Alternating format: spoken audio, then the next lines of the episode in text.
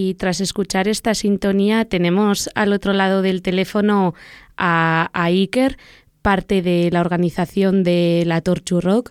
Egunon, Iker. Papá, Egunon. El pasado martes 20 de junio anunciasteis las primeras confirmaciones de, de, la que va a ser la Torchu de la edición número 28, que son Burutic, Escavidean, los zopilotes Chirreaus, Ausili y DJ Reimi. ¿Qué acogida han tenido? Pues mucho mejor de lo que esperábamos, eh, porque creo que es la primera vez que para una edición normal de invierno eh, se anuncia con tanto tiempo. Entonces era un poco misterio saber si la gente pues, iba a comprar entradas o no, o cómo, cómo se lo iba a tomar, ¿no? sabiendo sobre todo que el dinero de la gente es escaso y que vienen muchas fiestas por delante y, vacaciones y todas estas cosas. Entonces, eh, sabiendo eso, pues eh, se hizo una pequeña promoción y la verdad que fue un éxito rotundo porque tuvimos que, hacerla dos veces, o sea, se agotaron las primeras y se, volvió a hacer y en, en, pocas horas se volvieron a agotar, o sea que no podemos estar más que contentos y contentas. Eso te iba a decir, que empezasteis sacando eh, una tanda de 500 entradas, las cuales se vendieron todas y a las horas tuvisteis que sacar otras otra tanda, ¿no? Volviéndose a agotar todas. ¿Cómo lleváis esa acogida de, la gente? Pues la verdad que, que, muy bien, porque como te digo, era un poco misterio, ¿no? O sea, sabemos que, que son bastantes entradas, tal vez no demasiadas como para una torchu, pero sabiendo que, estamos en junio y que faltan siete meses, pues, eh, pues, eh, pues muy bien. Eh, mucha gente, una vez que se acabaron las primeras 500, empezó a escribir preguntando cuándo se iba a habilitar otra vez la, compra normal y así. Entonces, bueno, pues se decidió pues, pues, ayudar un poco a la gente sacando más entradas baratas. Y, eso, la verdad que, que muy contentas. O sea, no, no, no esperábamos vender mil. De hecho, si hubiésemos pensado que se podían vender mil tan rápido, las habríamos sacado. pero pero no queríamos eh, pinchar y sacamos 500 y mira, al final tuvimos que, hacerlo dos veces. Bueno, eso es señal de que ha salido bien la jugada.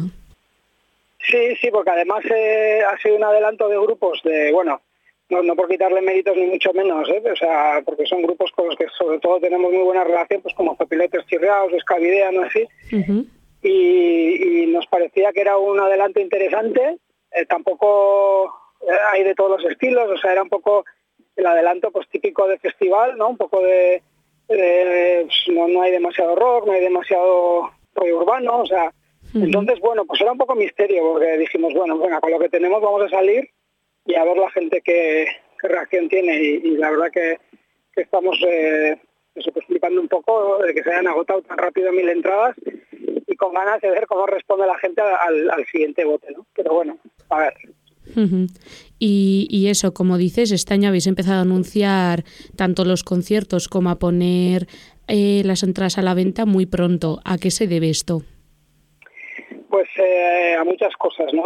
Pero por un lado al, al boom o, al, a la sobresaturación que hay de festivales y eh, de todo tipo, sobre todo comerciales, ¿no? En, verano y, que hacen que igual pues eh, lo que hagamos nosotros no sea tan relevante en cuanto a contenido, eh, que no a, que no a objetivos, ¿no?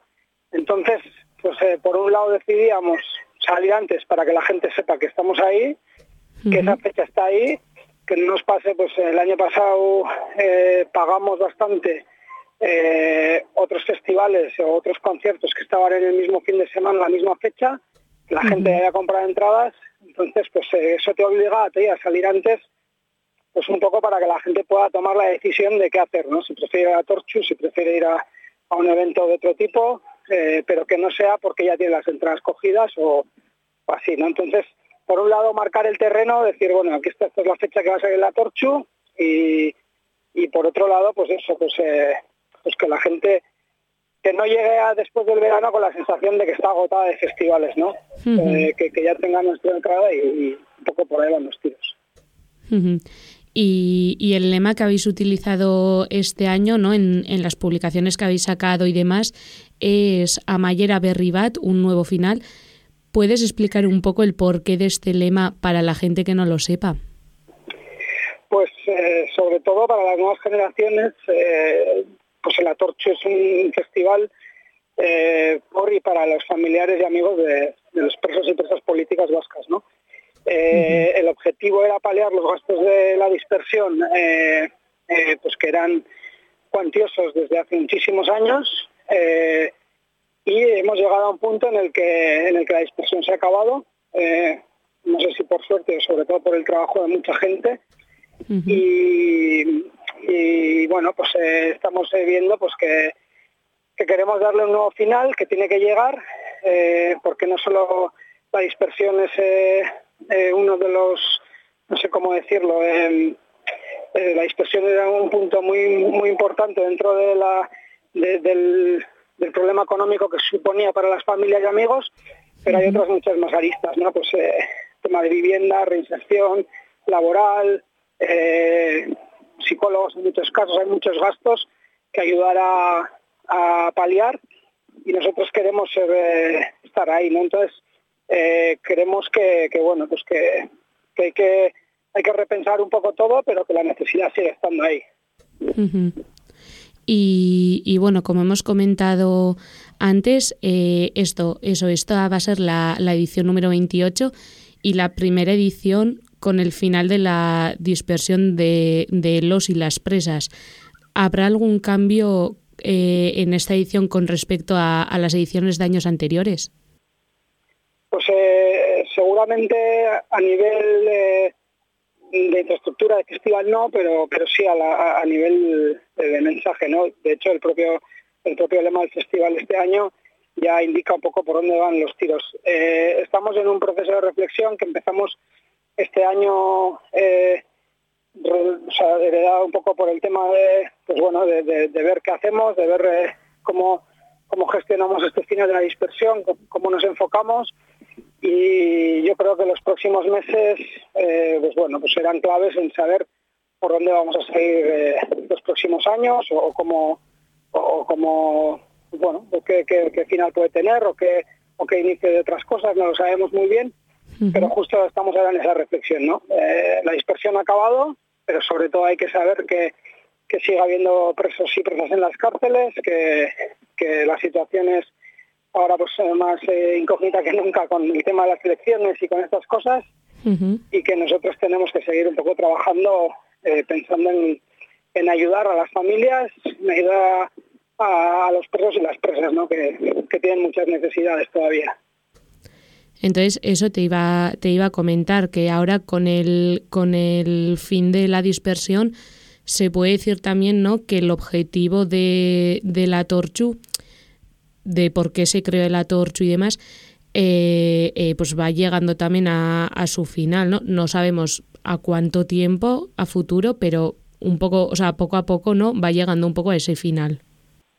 Sí, sí, sí, es un poco, es un poco darle, o sea, pues eso, como, como el propio lema de este año indica, Mayera de Ribat, eh, eh, bueno, pues sabemos que, la dispersión, eh, pues Oriones ya está, está acabada, esperemos que no tenga vuelta vuelta atrás, pero pues eh, estamos repensando pues, el festival, las necesidades de, de, las familias y de los presos y las presas y dónde situarnos ante todo eso, ¿no? Eso es. Y, y bueno, y cara a, a la edición que, que viene, eh, no sé, algo, ¿tienes algo que decir? un poco para que la gente se anime a hacer alguna de las chandas, porque recordamos que, la gente que está dentro de, la Torchu está voluntariamente y que sin los y las voluntarias que están tanto en la organización como haciendo las chandas y demás, esto no sería posible.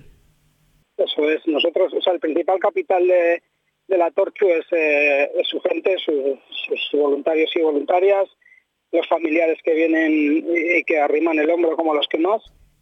Y bueno, pues por un lado, eh, nos parece hoy que hoy en día, cuando igual más, eh, más dejada está el tema de, la Auzolán y de la militancia y así, pues aportar en, una, en un festival como la Torche nos parece, nos parece invertir en mejorar eh, la sociedad, más allá de, los objetivos de la Torchu, nos parece que es algo a recuperar. Entonces nos, nos parece importante y animamos a la gente a que, se apunta a hacer charlas eh, o incluso a, entrar en estructuras de la torcha, que, es muy fácil.